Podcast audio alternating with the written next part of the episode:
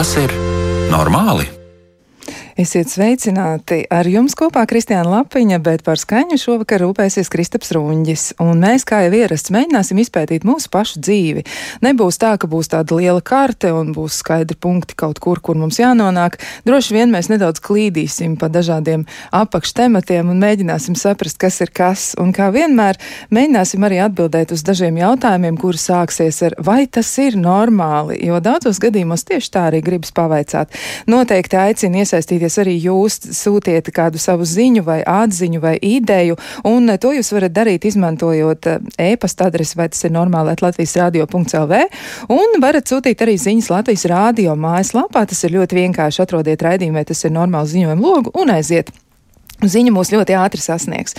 Un e, šodien, jā, šodien mēģināsim pētīt par to, vai mums vajag un vai vispār mēs e, spējam jēdzīgi veidot attiecības ar citiem cilvēkiem. Droši vien, ka daudzos gadījumos jau mēs to varam, bet e, cik nozīmīgi tas ir mūsu dzīvē, mēģināsim saprast par to kaut ko mazliet vairāk. Un iepazīstināšu uzreiz arī ar viešņu. Tā ir Agnes Orupa, KBT terapeita, jeb kognitīva behaviorālās psihoterapijas speciālists. Varbūt tas tā precīzāk būs. Tieši tā, labvakar! Nu, lūk, es varbūt sākšu, nu, kā man tagad ir tā iepaticies, tā teikt, no otras puses, ja, un, un šī otra puse būs tāda, ka e, man ir tāds viens piemērs, ko es atradu, kas, e, nu, varētu būt arī saistāms ar tādu ļoti, ļoti konkrētu situācijas um, aprakstu, ja mēs varēsim tam iedot arī vārdu, ja, bet šis ir viens no piemēriem, un kas ir, nu, savā ziņā par to pašu, par ko mēs šodien arī runāsim. Tad kāds no cilvēkiem ir mm, ielicis savulaik internetā arī tādu aprakstu par sevi un mēģinājis meklēt palīdzību, viņš arī ir saņēmis atbildi un arī iedot ļoti, ļoti konkrētu konkrēta diagnoze, viņš arī ir stāstījis par to, kā viņam ir veicies, bet nu, viņš apraksta to savu situāciju tā ļoti, kā tādu ļoti intensīvu. Un tā tad, um, Ko viņš saka? Man ir ļoti liels bailes atrasties cilvēkos, veikalos, uz ielas, pat aiziet uz frizētavu. Bieži vien ir pat tā, ka man sāk trīcēt ķermenis, galva un rokas. Man šobrīd ir ļoti sasprindzināti kakla muskuļi, pleci, bet vēdera rajonā it kā žņauds. Kad esmu lielveikalā, pazūd stabilitātes sajūta, ejot jūku soļi un nezinu, uz kuru pusi griezties un skatīties. Cilvēki to ievēro. Nu, tā tad ļoti, ļoti intensīva pieredze Un uh, mēs arī zinām, kā to sauc. Varbūt mēs uzreiz arī pateiksim klausītājiem, kas tas ir. Nu, tā izklausās pēc kaut kādas sociālas fobijas vai, vai, vai ģeneralizētas trauksmes tādām iezīmēm. Nu, katrā ziņā ar trauksmi tam ir noteikti ļoti liels sakars. Jā, un mēģināsim arī parunāt par to mazliet vēlāk rēdījuma gaitā, vai šādas situācijas un šādas izjūtas varētu būt saistīts arī ar to, cik labi cilvēks jūtas ar citiem cilvēkiem, jo izskatās šī saikne ļoti liela. Un vēl, vēl es gribētu minēt arī tādu piemēru. Es atradu vienu pētījumu, kas ir diezgan interesants. Vairāk vairāk gan sākotnēji pētnieki, kur veids šo pētījumu, orientējās uz to, lai mēģinātu saprast, vai attiecības ar cilvēkiem ir izmainījušās tajā kontekstā, ka tur ir mm, vientulības palielinājums, ja varbūt tā mēs varētu teikt, vai vairāk cilvēki ir jutušies vientuļi, bet tomēr viņiem bija ļoti daudz un dažādi interesanti citi secinājumi. Un eh, pētījuma vadošā mm, pētniece bija Marija Ernsta. Eh, viņa pārstāv Johannes Gutenberga Mainz Universitāti Vācijā, un eh, viņi tiešām ar saviem kolēģiem ļoti, ļoti cītīgi ir strādājuši, eh, jo viņu galvenais jautājums bija sākotnēji tāds, vai pandēmija ir palielinājusi vientulību, un viņi ir pētījuši tātad 34 eh, pētījumus, pārskatījuši no četriem kontinentiem. Galvenokārt tā bija Ziemeļamerika un Eiropa. Un, uh, tur bija iesaistīti šajos pētījumos vairāk nekā 200 tūkstoši dalībnieku. Un uh, visi dati tika iegūti no tā saucamiem ilgtermiņa pētījumiem. Ja? Tātad tas nav kaut kas tāds, kas ir tūlītais jautājums, tūlītai atbildi, ja, bet tādu ļoti nopietnu um, darbu viņi ir veikuši. Un tas, ko viņi ir konstatējuši, viņi ir sapratuši, ka Tomēr tāds vientulības pieaugums ir bijis vidēji par 5%, ja vientulības izplatība atsevišķos pētījumos, bet ne visās grupās tas tā ir bijis. Un e, viņi secina, ko, ka ir nepieciešams vairāk veikt pētījums par faktoriem, kas dažiem individiem un grupām rada lielāku vientulības risku, un vai izmaiņas vientulībā galvenokārt varētu būt saistītas tieši ar kaut kādiem noteiktiem faktoriem. Viņi aicina pētīt vairāk cilvēku sociālās miedarbības kvalitātes vai kvantitātes izmaiņas, un arī vai tās atšķiras. Ja? Nu, piemēram, studentiem vai vai vecākiem pieaugušiem vai jauniem pieaugušiem, un šādi pētījumi varētu vairāk palīdzēt pētniekiem izstrādāt tādus pasākumus, jeb kaut ko izdomāt, lai palielinātu cilvēku sociālo miedarbību vai uzlabot arī viņu attiecību kvalitāti. Nu, re, un te nu sanāk tā, ka mēs tomēr runājot par attiecībām ar cilvēkiem, nu nevaram apiet to, ka bieži vien tas, ja īsti kaut kas neizdodas, nu noved pie kaut kādām tādām, nu nevar pat teikt, tas sekām, bet laikam tas ir kaut kas tāds, ar ko cilvēki reizēm saskars, piemēram, proti ar vientulību. Nu, tas varētu būt diezgan grūti. Jā, arī gatavojoties šim, šim raidījumam, šai sarunai, es arī palasīju drusku pētījumus, un viens no tādiem longitudināliem, jeb, jeb garākajiem pasaulē veiktajiem pētījumiem, ko veikuši ir Hārta. Hārvardā ir 75 gadu pētījums, nu, kur, kur es neatceros, cik bija tie nu, ļoti kaut kāds vairāk simt vīrieši tika no, no tādiem jaunības gadiem, tagad nu, līdz viņi ir sirmi kunga. Man liekas, ka kaut kādi vēl 60 pētījumu dalībnieki pat ir dzīvi, un tagad tie pētnieki turpina pētīt arī viņu bērnus, un, un, un tā kā, nu, tāds jau, jau pētījumam ir četri direktori bijuši, un tāds, nu, tā kā brīnumainā kārtā nav ne beidzies finansējums, ne, ne, ne tie dalībnieki dalībnieki ir atkrituši un tā. Bet, uh, Kas tad ir tās galvenās lietas, ko viņi šajā pētījumā ir secinājuši? Viņi ir secinājuši pavisam vienkāršas lietas, ka vientulība nogalina. Un, un kāda vientulība nogalina? Nu, kā, nav visiem cilvēkiem vienāda vajadzība būt citos cilvēkos vai citu cilvēku vidū, bet nogalina tāda vientulība, nu, respektīvi, toksiska vientulība ir tāda, ka kur cilvēks ir vientuļāks nekā viņš vēlētos būt. Un, kā, respektīvi, ja cilvēks ir mierā ar to, cik, ir, cik viņam daudz ir citu cilvēku apkārt, tad viss ir kārtībā. Bet, ja viņam kā nav tas patīkami, tad priekš viņa tāda vientulība ir saindējoša. Un savukārt tādas attiecības un sociālās saiknes liek mums justies laimīgiem un veseliem, un tas arī paildzina dzīvildzi. Nu, kā... Jā, nu, re, kā mēs dzīvojam ilgāk, ja mēs esam Ja Jā. mēs esam kopā ar kādu. Ja mēs esam kopā, bet nu, arī tas, kas no šī pētījuma izriet, varbūt vienkārši vēl vienu atziņu tādu uzsvēršu, kā, kā attiecību kvalitāte, nevis draugu skaits nevis ģimenes locekļu skaits, bet tā tuvo attiecību kvalitāte ir tā, kas korelē ar šo te vai kas ir saistīta ar šo laimīgumu, apmierinātību un arī ar veselības rādītājiem. Un pat tie Hārvardas pētnieki pat ir secinājuši, ja 50 gadu vecumā jums ir, ir, ir tā kā labas, tuvas, siltas attiecības, tad ir, ir diezgan liela varbūtība, ka 80 gadu vecumā būs atmiņas, atmiņa labi, nu tā kā respektīvi, ka smadzenes labi kalpo kalpos un galva labi strādās un kopējā veselība būs, būs labāka nekā tad, ja 50 gados nu, nav tik veiksmīga. Tas nenozīmē, ka tagad tiem klausītājiem, kuriem ir 50 gadi un ir kaut kāds attiecīgi problēmas, ir, ir obligāti jāstraucās. Vienkārši nu, tas tāds jautājums, kura vismaz saskaņā ar šo pētījumu ir vērts piestrādāt. Nu, re, kā, kā tur īsti ir? Nu, kā mēs vispār nonākam pie attiecībām ar citiem cilvēkiem? Kur tas sākas? Jo mēs piedzimstam, un taču kāds mūs sagaida šajā pasaulē? Nu, lielākajā daļā gadījumā tā ir. Nu, jā, tā arī. Uh, ir tāds teiciens, ka mēs piedzimstam vieni un nomirstam vieni, un tad man vienmēr ir licies, nu labi, vēl par to nomiršanu es vēl tā kā varētu saprast, bet kā mēs piedzimstam vienu, kur tā mamma paliek tajā brīdī, lai nu kā, bet piedzimstam, manuprāt, mēs tomēr divi tā. Un, un tur jau arī sākas tās attiecības bērniņam ienākot ģimenē, nu, kaut kādā veidā ienākot šajā pasaulē, tās attiecības ar citiem cilvēkiem sākas. Vai nu tās, nu, cerams, ka laimīgā kārtā tie ir, tie ir tuvinieki un, un bērniņam ir ģimene. Nu, ir, protams, bērniņi, kuri, kuriem, kurus, kurus atstāja un kurus uzreiz jau noraida. Nu, tā tas mūsu ceļš ar citiem cilvēkiem sāk veidoties jau no pirmās dienas. Nu, cik tad nozīmīgs ir tas noraidījums vai tā pieņemšana? Varbūt mēs par to varam drusciņi parunāt, jo vēlākajā dzīvē šis atspoguļojums arī ir jūtams, nu, kā cilvēkam ir klājies. Es domāju, nu, ka nu, mūsdienās nu, tagad arvien vairāk sāk uh, runāt par piesaisti un, un, un tās piesaistas traumas. Nu, man gribās tomēr teikt, ka nu, ka tās, nu, ja mēs neskaidām kaut kādus smadzeņu bojājumus un kaut kādas nu, tiešām organiskas veselības problēmas, tad no tādas psiholoģiskās puses man šķiet, ka tas ir. Man kaut kā šobrīd gribas teikt pats nozīmīgākais. Vai bērnam ir pie kā droši piesaistīties, vai viņš jūtas mīlēts, pieņemts, vajadzīgs, vai viņš drīkst būt autentisks, vai viņš drīkst izpausties tā, kā viņš to vēlas, vai arī viņam ir sava personība kaut kā jāslēpj vai jālauž. Nu, un tad atkarībā no tā, kā viņš šo pasauli piedzīvo, nu tad viņš sāk veidoties, sāk veidoties visas personības lietas, sāk veidoties visas šīs pārliecības par to, kāda ir pasaule, kāds esmu es, kāda ir cita cilvēka, un, nu, un, un, un attiecīgi sāk veidoties dažādi uzvedības paterni. Es ceru, ka es nerunāju pārāk gudriem vārdiem, bet nu, tātad uzvedības kaut kāda nu, modeļa. modeļa jā.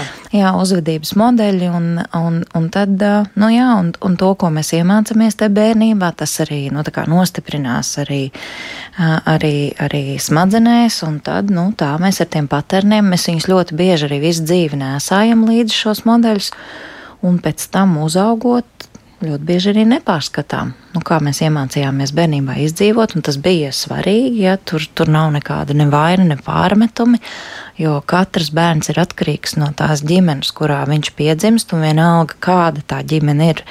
Ja viņa ir laba, tas ir brīnišķīgi, tad ir bērns izvilcis pilno lozi, bet ja viņa ir, nu, nezinu, vienaldzīga vai vardarbīga, ja? nu, un, un pie tam šīs abas lietas rada vienlīdz lielas traumas, nu, tā kā gan, gan aktīva iešana bērnam virsū ar, ar kaut ko ļaunu ir ļoti traumējoša vai kaut ko sliktu, bet arī pamešana novārtā ir nu, tā kā labā nēsamība ir tieši tikpat traumējoša.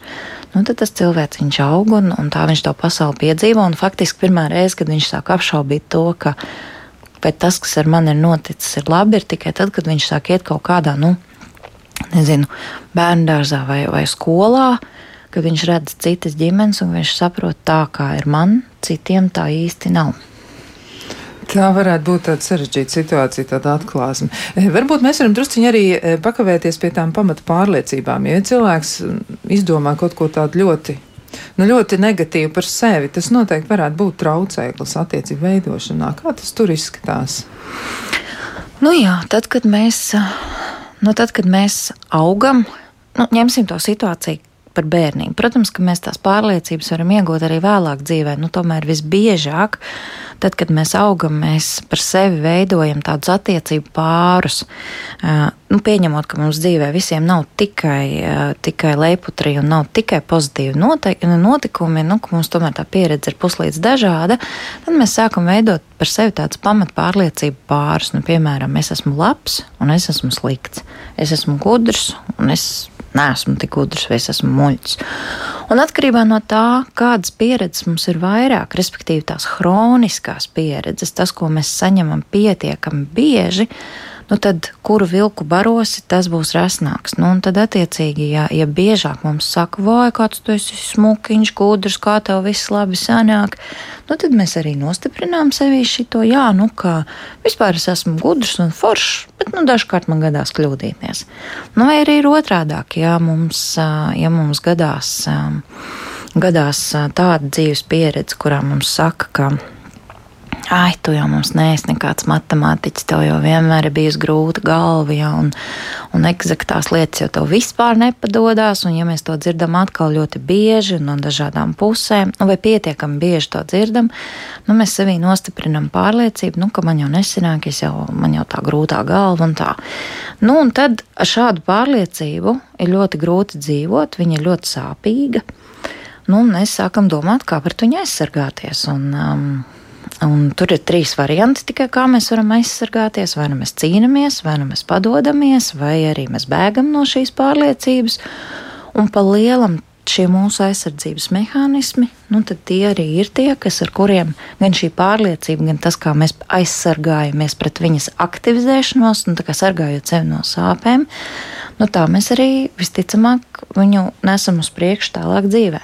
Un, ja cilvēks tā apzināti neapstājās un, un nesāk par to domāt, nu, tad es nezinu, ir droši vien ir, to nemaz nav tik viegli pamanīt, ka mums tā ir. Bet vai tas, ka cilvēkam ir grūti veidot attiecības ar citiem cilvēkiem, un, un šeit mēs runājam mazāk par partneru attiecībām, un arī tur tas ir ļoti svarīgi, neapšaubām, bet ja mēs domājam vispār par attiecībām ar cilvēkiem, nu tā kopumā, jo ir, ir cilvēki, kas atzīst, viņi saka, nu, man īsti nav neviena drauga, man, man nav ar ko aprunāties. Un, un, un tas cilvēks ir tiešām tāds ļoti jauks un šķiet, ka viņam dzīvē sanāk daudzas lietas darīt pietiekami labi. Viņš pats varētu arī mm, sevi uzslavēt, un dažreiz arī ir tāds epizods, ka viņš kaut ko pasaka labi par sevi. Bet kopumā viņš ir tāds ļoti piesardzīgs, ļoti ierobežots. Un, un galvenais, ko viņš saka, viņš saka, ka nē, man nav tādu tuvu draudzīgu attiecību ar citiem cilvēkiem. Es būtībā esmu viens pats. Un tā var būt. Uh, nu, ja, piemēram, nu, ja tā bērnības pieredze tomēr ir vairāk negatīva nekā pozitīva, Uh, un, teiksim, es nezinu, nu, ka to skolā ir bijuši visādi tur apspiešanas, atraidīšanas un vēl kaut kas, ja ne tikai mājās. Tad var tā būt, ka cilvēkam, piemēram, nu, kā jau es teicu, viņam veidojas pārliecības gan par sevi, gan par pasauli, gan par citiem.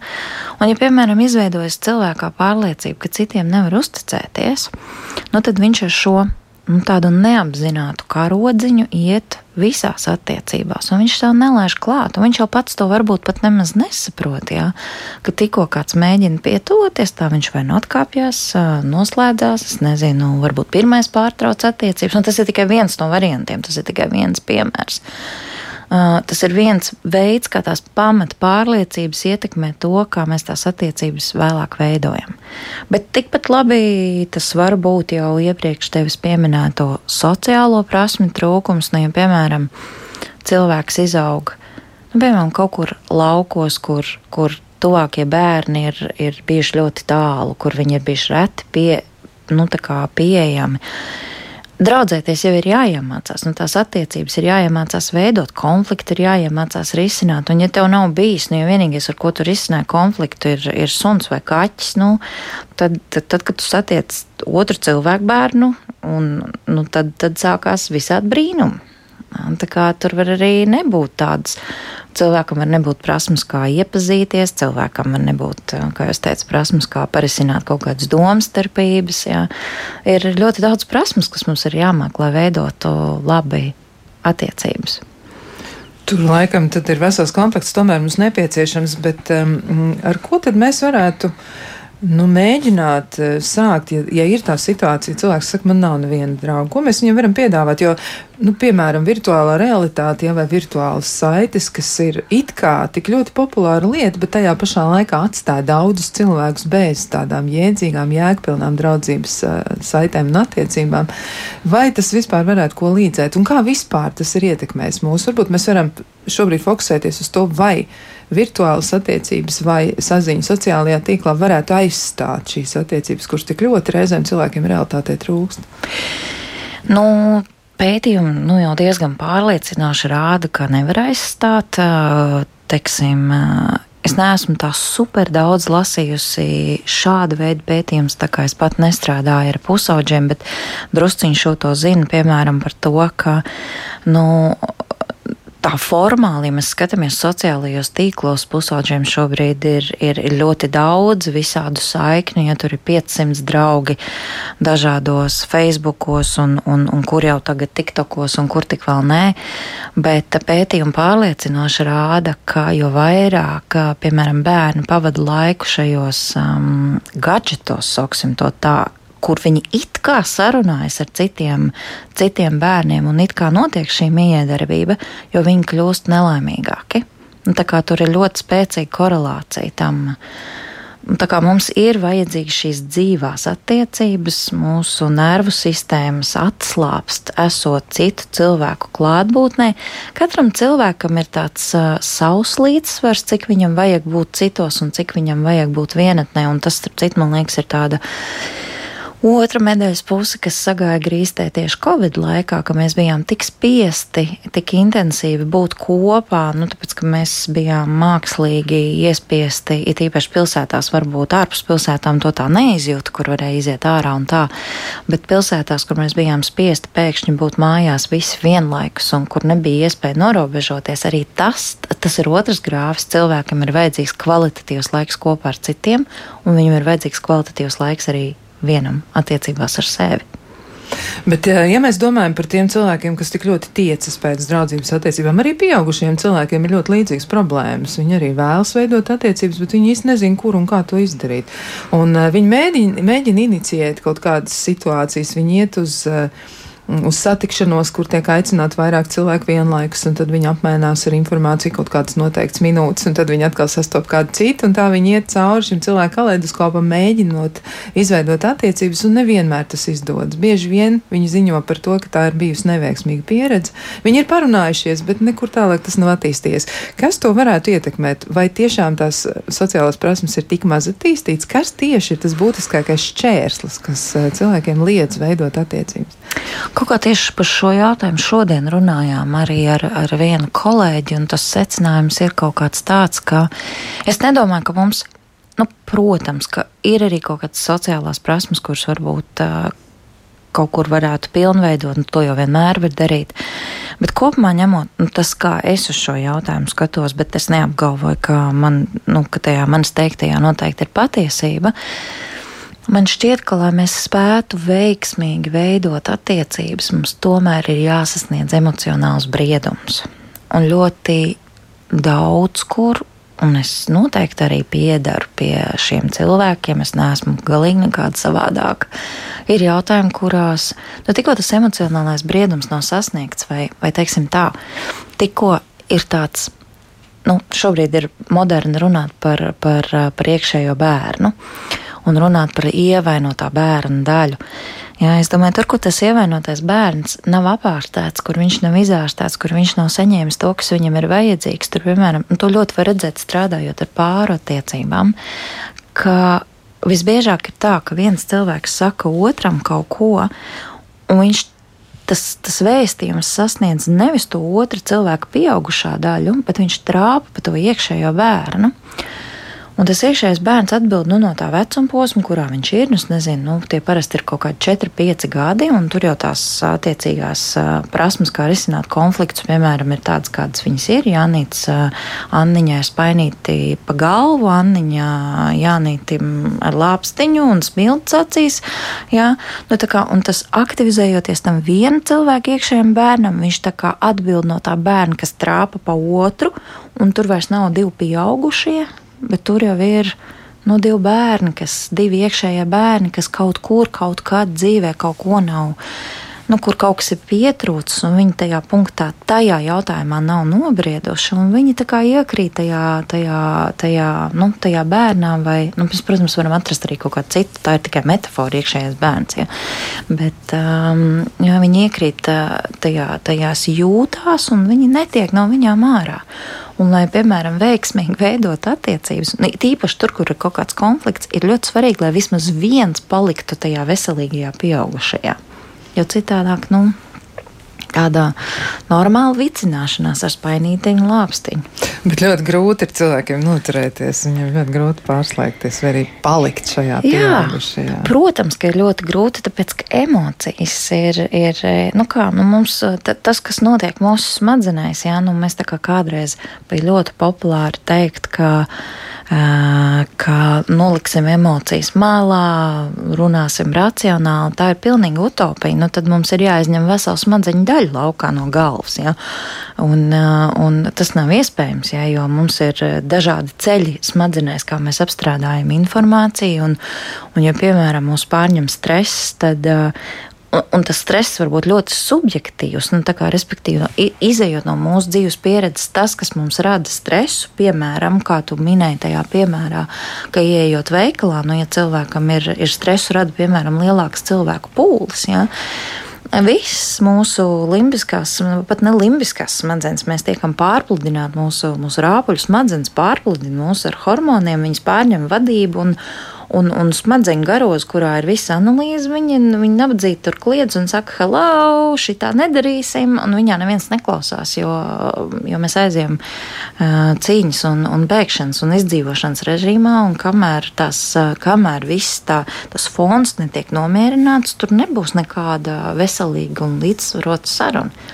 Un tas nav kaut kas tāds, ko mēs varam racionāli kontrolēt. Mēs diezgan bieži esam eh, šajos raidījumos, kur mēs satiekamies sastarpēji, un arī kur, kur dažādi cilvēki, dažādi mm, profesionāļi kolēģi stāsta par to, kā cilvēki jūtas un kā viņi rēģē. Man liekas, tas kopējais secinājums ir viens, ka cilvēki nav diezgan racionāls būtnes. Tā negribētu par sevi atzīt, bet nu, tā laikam sanāk. Cilvēki ir, cilvēki ir racionāls būtnes, ja viņi ir tajā veselīgajā, pieaugušajā daļā. Nu, ir tāda daļa, kas ir ļoti racionāla un ļoti pragmatiska, bet tas nav viss cilvēks. Cilvēkam ir arī šīs tā, nu, tās atkal visas ir tikai metafors, jā, bet uh, ir šī iekšējā bērna daļa, un bērns, nu, kā bērni, bērni nemēdz būt, nu, bērni nav racionāli, tāds nav viņu darba uzdevums, nav viņu amata apraksts tāds. Jā, tur mēs tiešām nevaram no bērna sagaidīt ļoti racionāls pirms kaut gan reizēm viņi pats cenšas, ja viņi pārsteidz pašus savus vecākus un arī sevi ar ļoti, ļoti tādiem konkrētiem spriedumiem, kur ir ļoti liela daļa racionalitātes. Jā, mums vēl ir daudz kas runājams, bet to visu mēs darīsim pēc īsa brīža.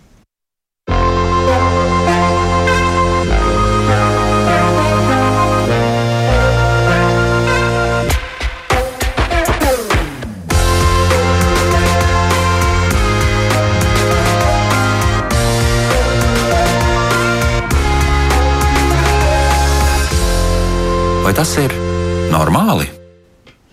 Mēs turpinām sarunu par to, kā veidot attiecības ar citiem cilvēkiem un mēģinām izpētīt, nu, kas tur ir par zemūdens akmeņiem tajā upē sasēdušies, kurus mums reizēm nāks izbaudīt ar dažādām ķermeņa daļām, un reizēm arī tiešām tas nav nemaz tik vienkārši. Drusciņi arī sāp. E, par to, kā tas ir, šodien arī runājam, un e, atgādināšu arī, ka mūsu raidījuma viešņa ir Agnes Orupe, un viņa ir kognitīva behaviorālās psihoterapijas, e, psihoterapijas speciāliste. Tad, lūk, vēl arī gribu pateikt, ka noteikti noteikti varat sūtīt kādu ziņu uz e-pasta adresi. Atgādināšu arī, kāda tā ir. Tā ir, vai tas ir normāli, at Latvijas radio.lv.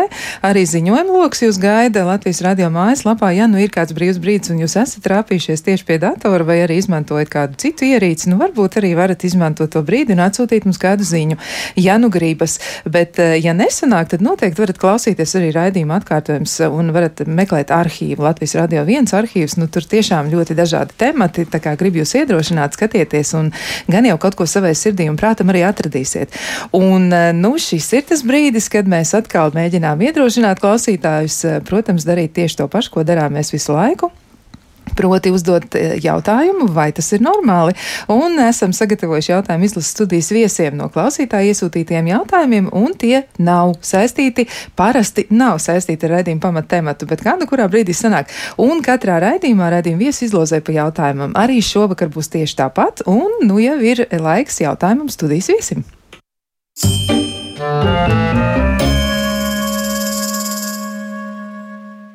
Nu tad vispirms viens, divi vai trīs. Divi. Divi. Nu, tad, lūk, tas otrais jautājums eh, šodien ir trāpījies tāds. Eh, viena no klausītājām eh, raksta, ka tad, kad viņa brauc sabiedriskajā transportā, reizēm viņa noķer tādu skatienu attiecībā uz sevi, un viņa nu, vienmēr pieķer sevi, ka viņa domā par to, ka kaut kas ar viņu nav tā kā vajag. Vai viņai ir tur cepura sašķiebusies, vai nu, visbiežāk droši vien cilvēki domā par to, ka kaut kas uz, uz sejas ir, nu, viņa arī to pierakstīja, ka nu, viņai liekas, ka kaut kas nav ar seju kārtībā. Viņa tūlīt metās pārbaudīt pati sevi spogulī, kā viņa izskatās izskatās. Viņi nesā līdzi spogulīčam nolūkam, starp citu. Mm, Tas ir normāli. Nevajadzētu, normāli, bet nevajadzētu.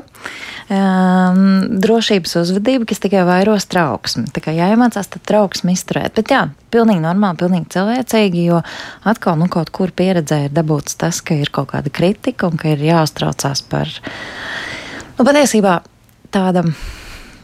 Nu, vēlme iekļauties sabiedrībā ir viens, nu, tāda vai, pat nevis vēlme, vajadzība iekļauties sabiedrībā ir, ir mūsu viena no tādām pamatvajadzībām, jo, nu, ja mēs padomājam, kādos apstākļos cilvēks ir dzīvojis pirms, nu, teiksim, pēdējiem, nezinu, nu, simts gadiem, jā, tad cilvēkam, kurš neiekļāvās, neatbilda kaut kādām normām un kurš bija kaut kādā veidā atšķirīgs, pat varbūt simts gadu robežās, tas nemaz pat vēl, vēl nesenākā pagātnē, bija ārkārtīgi bīstami tikt izraidītam. Faktiski cilvēks, ja viņš tika izraidīts no, no tās savas sociālās, no apkārtējās vidas, viņš izdzīvot nevarēja.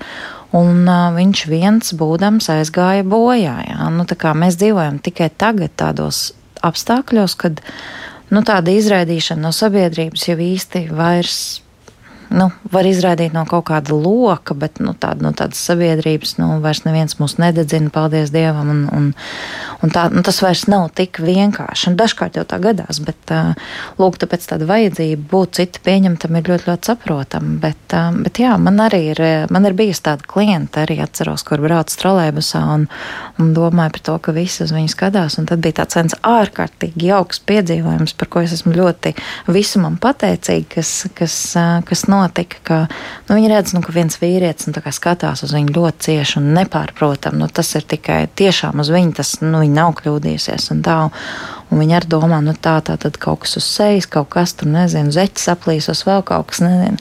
Un beigās tas vīrietis saka, jums tur pie kājām lietus sargs, vai tas gadījuma dēļ nav jūsējais nokritis. Bija tā ļoti, ļoti mīļi. Nu, mēs mācījāmies, mēs konsultācijās mācījāmies tieši apšaubīt šīs negatīvās domas, nu, vai vispār ir pierādījumi, ka tiešām tas tā ir, ka domā par viņu un par to, ka ar viņu kaut kas nav kārtībā. Un šeit bija tāds reti jau gadās trolēbusā neies prasīt, Klava, ko tu domāji? Kāpēc uz mani skaties šitā? Jā, nu tas, tas būtu nākamais līmenis, kurš man būtu jāsasniedz. Bet uh, droši vien lielākā daļa cilvēku to nesadošotos darīt. Jā. Nu, un es arī iedomājos, nu, ja tev pretī, nezinu, brauc viena tante no tirgus, un tu viņai šo pajautās, viņa droši vien ļoti nesapratīs, ko tu no viņas gribi. Tā varētu būt. Bet uh, varbūt mēs varam arī šeit novilkt zināms paralēls ar to, jo tiešām attiecību veidošana ar citiem cilvēkiem tā arī varētu būt saistīta ar zinām tādu bažu līmeni par to, vai es iedaros. Un arī, arī tas ir tas, ko cilvēki reizēm saka, ka viņi ir nu, kādā publiskā pasākumā vai viņiem ir jāpiedalās kaut kur. Un tas viņus ļoti, ļoti izaicina. Viņiem ir ļoti grūti par to domāt. Viņiem šķiet, nu kā tad es tagad ar to tikšu galā, kā es tur runāšos un kā es tur tagad varēšu visu izdarīt. Jā, un uh, te man nāk prātā tādas divas puses, uz ko man gribās atbildēt. Nu, pirmkārt, man gribās teikt, ka um, nav tā, ka tas ir pavisam nepamatoti baidīties no citiem cilvēkiem. Lai kā man negribētos to teikt, manuprāt, mēs kā sabiedrība tomēr esam ļoti. Nu, mēs esam tomēr diezgan kritiski. Nu, ja mēs kaut vai palasām kaut kādus komentārus tajā pašā Twitterī vai vēl kaut kur, nu, ir ļoti daudz uzbrukošu komentāru, ļoti agresīvu komentāru, un, un, un teiksim, nu, kaut vai arī tādā skolā, piemēram, nu, mobbings un, un, un bullyings, un, un nu, darba vietās varbūt mazāk, bet arī tur cilvēki piedzīvo. Nu, nav tā, ka, nav tā, ka mēs gluži visi esam balti un pūkaini. Tā kā nav jau tā, ka ka tas ir tik nepamatoti drusku piesargāties no citiem cilvēkiem. No otras puses, mēs drusku arī nu, kļūstam paši par kaut kādu savu pieredžu autoriem. Nu, piemēram, Ja mēs iztēlojamies tādu situāciju, ka ir viens introverts cilvēks un viens ekstraverts cilvēks, nu, teiksim, divi studenti, viens introverts, viens ekstraverts aizbrauc mācīties apmaiņas programmā uz ārzemēm, nu, tagad ir, nezinu, tagad ir pirmā studentu ballīte ārzemju studentiem un tā, un tad mēs tā kā varam pafantazēt, nu, ko domā pie sevis ekstraverts un ko domā introverts saņemot ielūgumu. Tu gribi pafantazēt kopā ar mani? Es kā droši vien vairāk ekstraverts cilvēks varētu pilnīgi noteikti teikt, ka ballīte būs manējā es būšu pati pati galvenā, visas gaismas būs man. Jā, un tu visticamāk to ballītei. Jā, protams. Savukārt, introvertāks cilvēks, viņš droši vien šaubās, no kā mēs varam tikai fantazēt, ja viņš šaubās, vai man tur vajag iet, vai man tur nevajag iet, ko es tur darīšu, vai tur būs kāds, ar ko es varēšu pārunāties, es tur droši vien visu vakaru stāvēšu viens, bet, nu, pieņemsim, viņi ap divi aiziet. Viņi tomēr saņemās un ap divi aiziet. Un tagad mūsu izējas premisa būs tāda, ka abiem ir 50% panākumi šajā ballītē, tiekoties ar citiem cilvēkiem. Tikai būs tāda atšķirība, ka tad, kad ekstraverts būs aizgājis uz ballīti, ar cik cilvēkiem viņš būs saticies tajā ballītē? Nu tā. Nu, ja tur ir 199, droši vien, nu, ja viņš tāds īsts ekstraverts. Jā, nu, tā kā viņš būs, viņš būs katrā ziņā krietni pūli būs paņems. Nu, kaut vai pieņemsim 20. Tātad, ja viņam ir 50% panākumi, tad 10 cilvēkiem viņš būs izveidojis jau kaut kādas attiecības. Turpretī cilvēks, kas ir introverts, viņš ļoti bieži stāv maliņā. Viņš pats pirmais neiet klāt. Uh, nu, viņam pienāk vakara gaitā klāt nu, viens cilvēks, kā viņu uzrunā. Un tagad mums ir 50% panākumi. Un tagad ir tā, ka, nu, ja paveicās, viņš ir ieguvis kaut kādu vienu pazīšanos, bet ja nē, tad viņš ar nulli. pabeidza. Un nākamajā ballītē, kad ir studenta otrā ballīte, ekstravertam jau ir desmit draugi, nu vai ja, ir, ja viņš ir 99 ticies, tad viņam jau ir kaut kur pie 50, jā, un introvertam var būt nulle. Jā, ja tā viena interakcija, ja tā viena miedarbība saskarsme bija neveiksmīga. Un šis ir tas, kur mēs arī mazliet radām pašu savu pieredzi. Un tad Jā, bet man gribētos arī teikt, ka tas nav gluži tā nu, kā lai saka, tas ir mazliet netaisnīgi, ja, jo jau Jungs to ir apcerējis ja, par psihiskās enerģijas virzību tā kā uz ārpusi un uh, par to, kas notiek iekšpusē.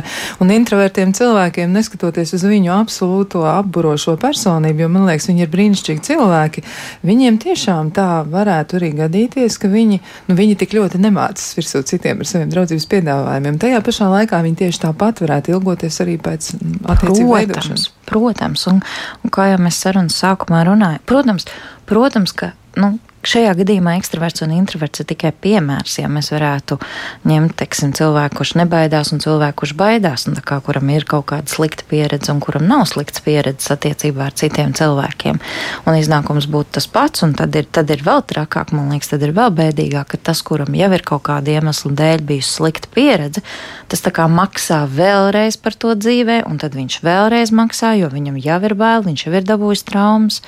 Protams, ka tas nav, protams, ka tas nav godīgi, bet, uh, un, protams, ka cilvēki visi vēlas uh, tuvas attiecības, nu, tā kā viņi katrs saprot, kas tas ir, un, un, un skaidrs, ka mums visiem ir vajadzīgi. Nu, mums visiem ir vajadzīgi citi cilvēki, kuri, kuri mūs saprot, un, un pētījumi liecina, ka tādā, um, tādā pasaulē pētījumi liecina, ka vajadzīgi ir četri draugi, Četri draugi. Četri draugi, bet mēs kaut kā spriedelējām vienreiz ar kolēģiem, ka Austrumē Eiropā pietiek ar trim. tā kā, mēs tā, tā vidē tā izgājām kolēģi savā starpā cauri, cik tad mums ir to tuvo draugu. Un mēs teicām, nu tā, tā vidē nu, konstatējām, trīs ir un ir labi.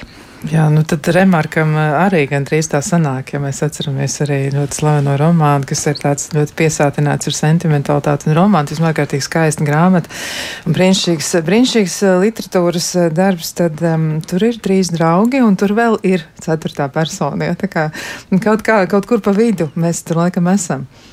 Jā, bet nu, atkal, teiksim, no tādam, piemēram, bērnam, lai viņš izaugtu veiksmīgi, pietiek ar vienu cilvēku, kurš ir viņam drošs un viņam atbalstošs. Vai tad tādā gadījumā tās bažas, kuras ir reizēm vecākiem, viņi saka, nu jā, man tam bērnam tur ir tikai tas viens tāds draugs, vai šīs bažas ir tādas, nu, tādas ļoti nopietnas, vai vecākiem varbūt pašiem vajadzētu arī, nu, zināt šo lietu, ka tas nav tik traki, ja, kā viņiem pašiem šķiet. Viņiem varbūt tieši gribētos, lai bērnam ir šie ļoti daudzie draugi. Un, ko tas varētu nozīmēt? Es vairāk to. to domāju tā, ka bērnam pietiek ar vienu pieaugušo, kurš ir drošs. Jā, jā, tad, jā. viņš tā kā par draugiem ir tā, nu tajā brīdī, kad, nu atkal, atkal, kā mēs sākumā runājam, ne jau kvantitāte, bet kvalitāte ir tā, kas nosaka. Jā, um, Bet nu, viens draugs, tikai viens draugs, ne, nu, ja tas ir viens tāds ļoti labs draugs, nu, tas izklausās arī, protams, gana labi, bet nu, drusku tā kā gribētos varbūt vairāk, lai bērnam uzaugot ir nu, vismaz tādi paziņa līmeņa nu, tādi biedri. Cilvēki, jā, lai jā, var patrenēties, es... daudz lietas darīt. Runājot arī, starp citu, par to, ko tu pieminēji par, par ārzemēm, ja, tā tad mm. ballīt ārzemēs, varbūt ir arī tā, ka tomēr mentalitāte vai arī tāds kultūras fons, varbūt tas arī ietekmē cilvēku spēju draudzēties, jo liekas, ka tiešām kaut kur citur iespējams, ka tā ir tikai ilūzija, ka liekas, ka cilvēkiem ir vieglāk.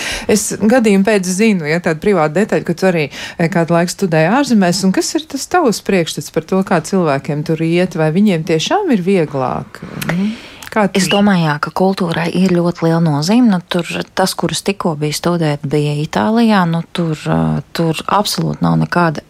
Atkal, es nevaru runāt par to attiecību dziļumu. Es nebiju tur tik ilgi, lai, lai saprastu, kas notiek. Tagad tās attiecības ir tuvākas, bet tas, ka ir ļoti viegli izveidot, teiksim, ka ļoti viegli iekļauj nu, kolektīvā, ka ļoti, ka ļoti viegli ir parunāties, ka tevi uzrunā pirmo, tev par tevi izrāda interesi. Ja, tas, tas nu, katrā ziņā Itālijā tas tā bija noteikti. Bet, bet man tāda, nu, tāds personīgais kaut kāds tāds, tāda atklāsme bija tad, kad es biju aizbraukusi uz vienu konferenci Kopenhāgenā. Un uh, es problēmas parasti risinu tā, ka tad, kad uh, man piemetās topogrāfisks idiotisms kaut kāds, tur es regulāri apmaldos uh, ceļā no lidostas uz, uz, uz, uz konferenču zāli un, un uz viesnīcu un tā kā kaut kur, un es parasti eju, eju prasīt cilvēkiem, nu, lai tā kā viņi man parāda, kurā man transportā, un tā kā gandrīz ar pirkstu parāda. Un uh, es iekāpju vilcienā un, un, un no lidostas, un mēs, uh, mēs braucam uz pilsētas centru. Un, un es sāku runāties ar, ar vienu sievieti, kur man saka, jā, jā, nu tā kā, jā, es tev pateikšu, ka tev jākāpj ārā. Un mēs to pusstundu runājamies, un man ir tāda sajūta, ka mēs esam labākais draugs. Un tā kā liekas ļocīgi, nu gandrīz gribās paņemt kaut kādus kontaktus un, un, un tā, bet nu es viņu esmu tikko satikusi. Un tad atkal lidojot mājās no tās pašas Kopenhāgenes, man blakus sēdēja lidmašīnā zviedru puisis, kaut kāds 22 gadīgs, un mēs visu ceļu runājām par nezinu visu un neko. Un tad es tā sēdienas domāju, un ja es sēdētu kopā ar vienu latviešu 22 gadīgu puisi, nu es tā nevaru iztēloties, ka mēs to visu ceļu būtu nu, tā bazarējuši par visu un neko. Un tas mans secinājums ir tāds, ka tomēr nu, kaut kā man bija tā sajūta, ka Nu, ka tajā Skandināvijā tie cilvēki, es nezinu, es, es atbraucu ar tādu secinājumu, ka viņi, viņi nebaidās no tā, ka tu viņiem nāc klāt, un viņiem nav tāds, nu, ko no manis tagad gribi, ko tev vajag, kāpēc tur man grib runāties. Tur ir tā kā, es nezinu, varbūt mazāk traumu, kaut kāda attiecība trauma, un viņi tā jūtas drošāk. Es, jā, es nezinu. Nu, nu, varbūt tas varētu arī palīdzēt attiecības tomēr veidot, jo, ja tā trauma nav, tad patiesi nu, cilvēkam kaut vai atkal šo pašu pamatpārliecību līmenī, ja, viņam, ja viņš tur tajā visā orientējās tā labi un ir pozitīvi orientēts pats, raudz, raugās uz pasauli arī tādām gaišākām acīm, droši vien ir vieglāk. Bet eh, kas notiek tajā gadījumā, ja cilvēki ilgstoši nesatieks ar citiem? Vai mēs varam runāt par to, ka viņi zaudē spēju veidot attiecības? Kā tas notiek? Vai, vai varētu būt tāda tā kā sociālo prasmu zaudēšana, vai tas vispār būtu iespējams? Nu, manu klientu ka klienti apgalvo, ka, piemēram, par pusauģiem, kur Covid laikā, nu, kuriem bija tās ierobežotās iespējas iet uz skolu un satikties, viņi saka, ka jā, ka tās sociālās uh, prasmes tika zaudētas un ka tiem bērniem gāja grūti, viņiem ir grūti atjaunot, uh, uh, nu, ka daudz, ne jau visiem, bet daļai ir bijis grūti. Uh, Savukārt, atkal, piemēram, nu, domāju par tādiem pieaugušiem cilvēkiem, tad cilvēki, kuri, kuri piemēram, tie introvertie cilvēki, Covid laikā ļoti uzplauka sēžot mājās. Viņi jutās laimīgāk. Viņi notiek, bija, jā, jā. Viņiem bija ļoti apmierināti, ka viņiem nebija virtuvē jādzer kafija ar citiem un, un nebija visu laiku jāsocializējas. Un es nedomāju, ka viņi zaudēja kaut kādas prasmes, bet nu, kopumā ņemot, nu, droši vien, ka bišķi jau kaut kas ierūsē nu, tā, nu, pazaudēt pavisam, jo mēs viņus noteikti nepazaudējam. Nu, tad jau mēs arī ar divriteni vairs nemācētu tomēr braukt pēc tiem daudziem gadiem. Bet, bet nu, droši vien, ka bišķi jau aprūsē. Nu, kaut kā tā. Jā, bet runājot par ieguvumiem arī. Nu, varbūt dažas lietas, kas ir vērtīgas, ko mēs iemācāmies veidojot attiecības ar citiem cilvēkiem. Nu, piemēram, Mēs varbūt varam izvēlēties tādu um, piemēru, kas bieži vien arī tiek pieminēts, un cilvēkiem ir zināmas grūtības ar to. Viņi saka, ka viņiem ir ļoti daudzos gadījumos grūti kādam atteikt, nu, kaut ko pateikt, nu, ka nē, šo es nedarīšu. Nu, kā tas nāks, kā, kā tas notiek, kā, kāda ir šī, šīs problēmas evolūcija, varbūt tā mēs varam tā apzīmēt. Viņa nebūs tik viennozīmīga, jo tas var nākt no dažādām vietām, nu, tādas grūtības atteikt, bet um, bet nu, droši vien tas būs saistīts ar kaut kādu tādu iekšējo spiedienu, ar iekšējo kritiķi, kurš saka, ka es vainu tā kā nedrīkstu atteikt. Nu, piemēram, uh, mans kritiķis man teiks, ja es nedarīšu tā kā, tā kā tu gribi, tad. Um, tu mani atstumsi, un tas būs ļoti sāpīgi.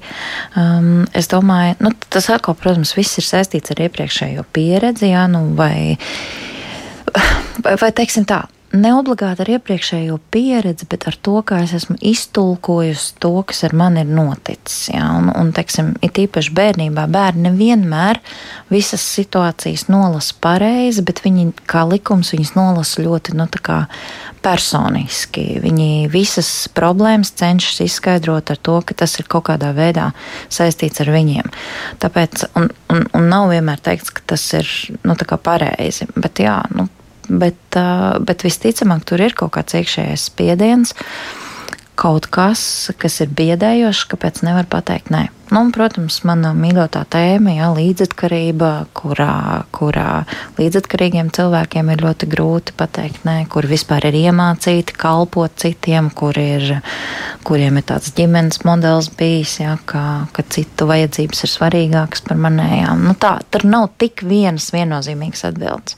Bet jā, Kaut kas ir iestrādājies, kāpēc nu, kaut kāds iekšējais spiediens ir par to, kāpēc nedrīkst teikt nē, kāpēc ir jāsaka visu laiku jā.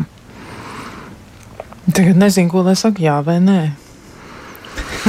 tā vienkārši ir. Jā. Bet tā nav tāda super viegla vieta, kur būt. Jā, ja visu laiku ir, ja, ja tu nevari pateikt, nē, jo, nu, ja mēs runājam par tādām vajadzībām, kas mums dzīvē ir, mums īstenībā ir tikai nu, tāds visas vajadzības, visas emocionālās vajadzības mēs varam noreducēt līdz divām lietām.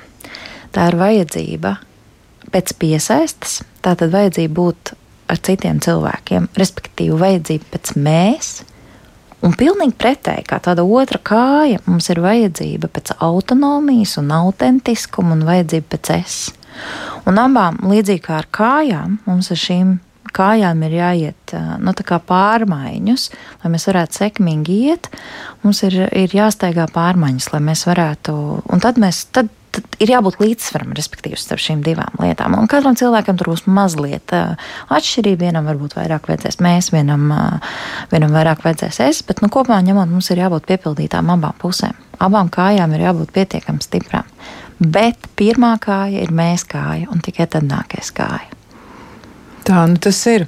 Bet um, vēl runājot arī par to, kā var palīdzēt cilvēkiem mācīties, veidot attiecības, vai arī kā Nu, kā to darīt? Jo ir tiešām cilvēki, kas saka, ka viņi jūtas nelāgi. Nu, tā kā tu teici sarunas sākumā, ja tāds toksiskās vientulības eh, kritērijs varētu būt, ka cilvēks nejūtas ar to labi. Viņš gribētu veidot attiecības, viņš gribētu draudzēties ar kādu, viņš gribētu satikties, un nav teikts, ka tās ir noteikti partneru attiecības. Viņš vienkārši gribētu cilvēku savā dzīvē, un viņam nevisai labi veicas ar šo. Ko varētu darīt lietas labāk? Kas ir tas, kas būtu pasākums? Nu, tāda pirmā lieta, kas man nāk prātā, um, Man liekas, ka nu, tā, tā ir. Būtu jau forši, ka nezinu, iziet ar plakātiņu uz ielas un teikt, es gribu draudzēties. Kā, nu, tas man atgādina. Jā, tas man atgādina tādu epizodu. Es atceros, es pirms daudziem gadiem biju Londonā vienā no neskatāmiem reizēm. Man tiešām ļoti patīk. Tā pilsēta ir tāda, tāda aicinoša, brīva, man liekas, ļoti kolorīta. Tāda, nu, tiešām. un tur bija puisis, ja, kas, kas stāvēja pie mākslas muzeja, un, un viņam bija uzraksts un apskauja mani, apskauja par brīvu. Tas bija tik ļoti tā. Jā, šito varētu pamēģināt pie mums. Es baidos, ka būtu pie, nu, pie laimes pulksteņa nostāties un paskatīties, kas, kas notiek. notiek jā. Jā. Studentiem varētu piedāvāt šādu baigi, pētījumu. baigi, jā, baigi drosmīgam cilvēkam jābūt. Bet man liekas, ka ir ārkārtīgi svarīgi, nu, jo Jo, piemēram, nu, kas notiek? Nu, teiksim, kaut kādā mums tagad ir visādi, visādas aplikācijas, jā, Tinderi, un, un es nezinu, vai ir aplikācija, kur vienkārši var kaut kādus parastus draugus, ne, ne tā kā romantiskus partnerus meklēt un tā. Bet tā problēma ir tāda, nu, ka, teiksim, kaut vai satiekoties caur Tinder, nu, tur ir tāds milzīgs spiediens uz to, ka, nu, ka ka ir kaut kādam rezultātam, kaut kam ir jāsanāk. Un man liekas, ka labāks veids ir tos draugus un tās attiecības meklēt caur vaļaspriekiem. Lai ir kaut kas, ko var darīt, un kur tās attiecības tomēr var veidoties brīvi. Nu, tādā nozīmē, tad tā nevar būt vienreizēja aktivitāte. Jo mums ir ļoti grūti iepazīt otru cilvēku. Nu, es nezinu, nu, vienalga, pat aiziet uz kaut kādu spēļu vakaru, divas stundas spēlējot spēli. Nu, varbūt divu stundu laikā vēl varētu, jā, nu, kaut kā sajust, tā kā, uh, sajust, tā kā, ok, šis varētu būt mans cilvēks, mēs varbūt varam vēl kādu spēli aiziet, uzspēlēt. Bet, nu, kaut kas, ko dara pietiekami regulāri, lai tur nebūtu tāda spiediena uzreiz, pirmajā reizē mesties, uh, nu, tā kā kaut ko veidot un tā. Nu, tas droši vien būtu tāds pirmais. Nu, skaidrs, ka, protams, ka var terapijā, grupu terapijas īstenībā ir tādā ziņā atkal kaut kāda, vai grupu vispār, nu, neobligāti terapijas, bet arī kaut kāda grupa vispār pasākuma atkal regulāri, kur var pišķi patrenēties, paskatīties attiecības veidot. Gan jau, ka ir vēl kaut kādas labas idejas. Bet tas ir tas, kas man nāk prātā. Droši vien ir arī dažādas aplikācijas, kas ļauj cilvēkiem izmantot arī daudz ko citu. Piemēram, ir tāda aplikācija, kas ļauj rakstīt vēstules tādā ļoti vecmodīgā stilā, ja kaut gan tas ir virtuāli. Un, un, jā, bet, bet eh, vēstuli saņem, eh, saņēmēs tikai pēc kāda laika, ja, un tad jūs varat savā ziņā piedzīvot to, kā tas ir, tas gaidīšanas prieks un sarakstīties. Jūs varat ar visiem cilvēkiem visā pasaulē. Nu, dažādas aplikācijas ir un ļoti dažādi veidi, bet nu, šķiet, ka tomēr ir jāmēģina atrast to līdzsvaru. Man ļoti patīk tas uh, salīdzinājums par to, kā tu teici, tā viena kāja, otra kāja, un tā stabilitāte ir jāmēģina iegūt. Mm. Mm. Jā, vispār no nu, tā kā psihiskās veselības pazīme, no nu, tādas labas mentālās veselības pazīme ir līdzsvars un elastība. Jā, ļoti ļoti precīzi, ļoti skaisti un ļoti tieši tā labi. Tu esi raksturojis šo visu. Jā, nu, klausītājiem mēs varam novēlēt tikai to, nu, mēģiniet tomēr atrast tos citus cilvēkus. Nebēdājieties, ja tas uzreiz neizdodas. Tas nav par jums tik daudz, cik Tas ir par to, ka vienkārši varbūt nav izdevies. Un, kā jau Agnēs minēja, ja, ir tie dažādie cilvēki, ir tie ekstraverti, introverti un nereizējieties. Ar jums viss ir kārtībā, un tas ir normāli, ka jums nav simts draugu, bet ja jums ir kaut vai viens vai divi, vai ir pat kāda epizode, kur jums tajā brīdī nav ļoti tuvu cilvēku, gan jau viņi parādīsies, jūs viņus atradīsiet. Mēs no sirds ticam, ka jums izdosies. Paldies vēlreiz Agnesei, Agnesei Europei. Mm, tiešām Paldies. prieks, ka tu biji kopā ar mums šovakar, un man prieks, ka es tev pazīstu. Tas Jā, paldies par uzaicināšanu. Ja es drīkst pabeigt ar vienu pavisam īstu teikumu, tad uh, man tāds citāts par attiecībām ļoti patīk, ka cilvēki iet tur, kur viņi jūtas laipni aicināti, un viņi paliek un uzturās ilgāk tur, kur viņus novērtē un atzīst. Lai notiek, lai jums biežāk izdodas tieši to arī piedzīvot, lai jums skaista nākamā nedēļa un tiekamies atkal kādu citu reizi. Atā!